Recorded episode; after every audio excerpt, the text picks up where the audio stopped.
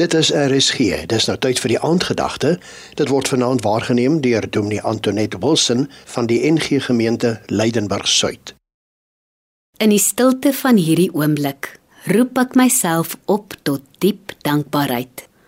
Saam met Dawid in Psalm 16 vers 7 verklaar ek: Ek sal die Here loof wat my tot die regte insig gebring het. Selfs in die nag bly ek bewus van wat hy my leer. Om vlot in 'n tweede of derde taal te praat, moet jy in daardie taal kan dink. Om soos 'n Christen te wees, vra dat jy soos 'n Christen sal dink. Jou gedagtes moet vars en nuut word. Wanneer ons oorgelewer is aan ons aangeleerde of oorgeerfde gedagtepatrone, kan ons maklik in groot moeilikheid beland. Klink van die volgende sinne bekend? Ek is nie goed genoeg nie. Ek is so bang ek is 'n mislukking. My lewe maak nie saakie. Niemand gee regtig vir my om nie. Ek moet ook altyd aan die agterste speen suig. As ek verdwyn, sal niemand my kom soek nie. My lewe sal nooit beter word nie. Ek beter maar vir myself sorg. Niemand is daar vir my nie. Ek gaan alleen oud word.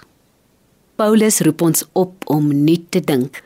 In Kolossense 3 vers 2 lees ek: Rig julle gedagtes op die dinge wat daarbo is, nie op die dinge wat op die aarde is nie. Die Spreuke skrywer waarsku nie verniet nie. Wees veral versigtig met wat in jou hart aangaan, want dit bepaal jou lewe.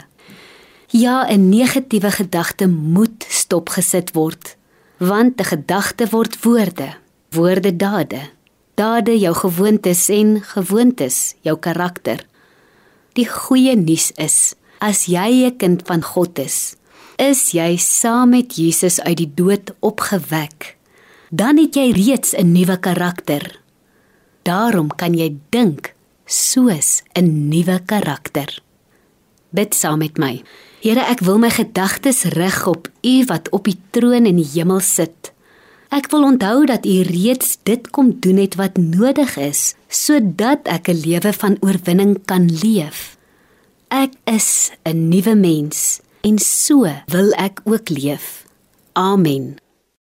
Dit was dan die aandgedagte hier op RSG, aangebied deur Dominee Antoinette Wilson van die NG Gemeente Leidenburg Suid.